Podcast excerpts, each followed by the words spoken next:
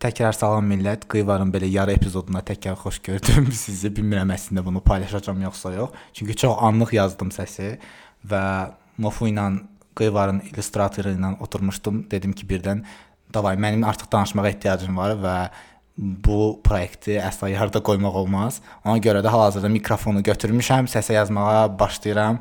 Mofu nə fikirləşsən təkrar qayıtmaq haqqında? Ə, Təkrar qayıtmağa əslində çox sevinirəm, çünki bayağı ə, sevdiyim bir proyekt idi. İllüstrasiyaları sevə-sevə çəkirdim və məncə uca qeyd etmək lazımdır ki, biz artıq may ayından ə, bizim epizodların davamları gələcək. Çünki belədir. Çünki ehtiyac da var. Çünki belədir. Və bu periodda mən əslində niyə eləmədiyimi də bir dənə bu yarı bəhanə olaraq sizə deyim. Çünki özümü çox pis hiss eləməyə başlamışdım. İstər təhsil Eynən, sən mənim travmalarımla məsələnirsən.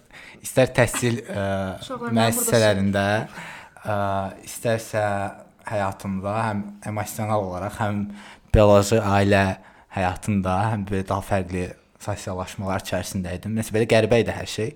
Amma bilmirəm bu nə qədər ciddi bir bəhanədir. Ona görə də artıq dedim ki, yox, bu belə davam edə bilməz. Məncə yetərincə ciddi bəhanədir, amma bax baxaq da. Bilmirəm, mən özüm özümü biraz aldatmaq istəyirəm deyəsən.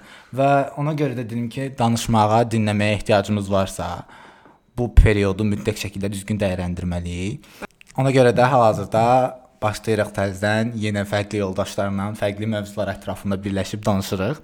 Bu dəfə ümid edirəm ki, ə, daha daha çox bir şey yaradacağıq ortaya, daha daha bir maraqlı rubrikalar çıxardacağıq və təbii ki, yenə heç vaxt danışılmayan mövzular ətrafında. Nəsə belə sağ olun, görüşərik yaxın bir vaxtda.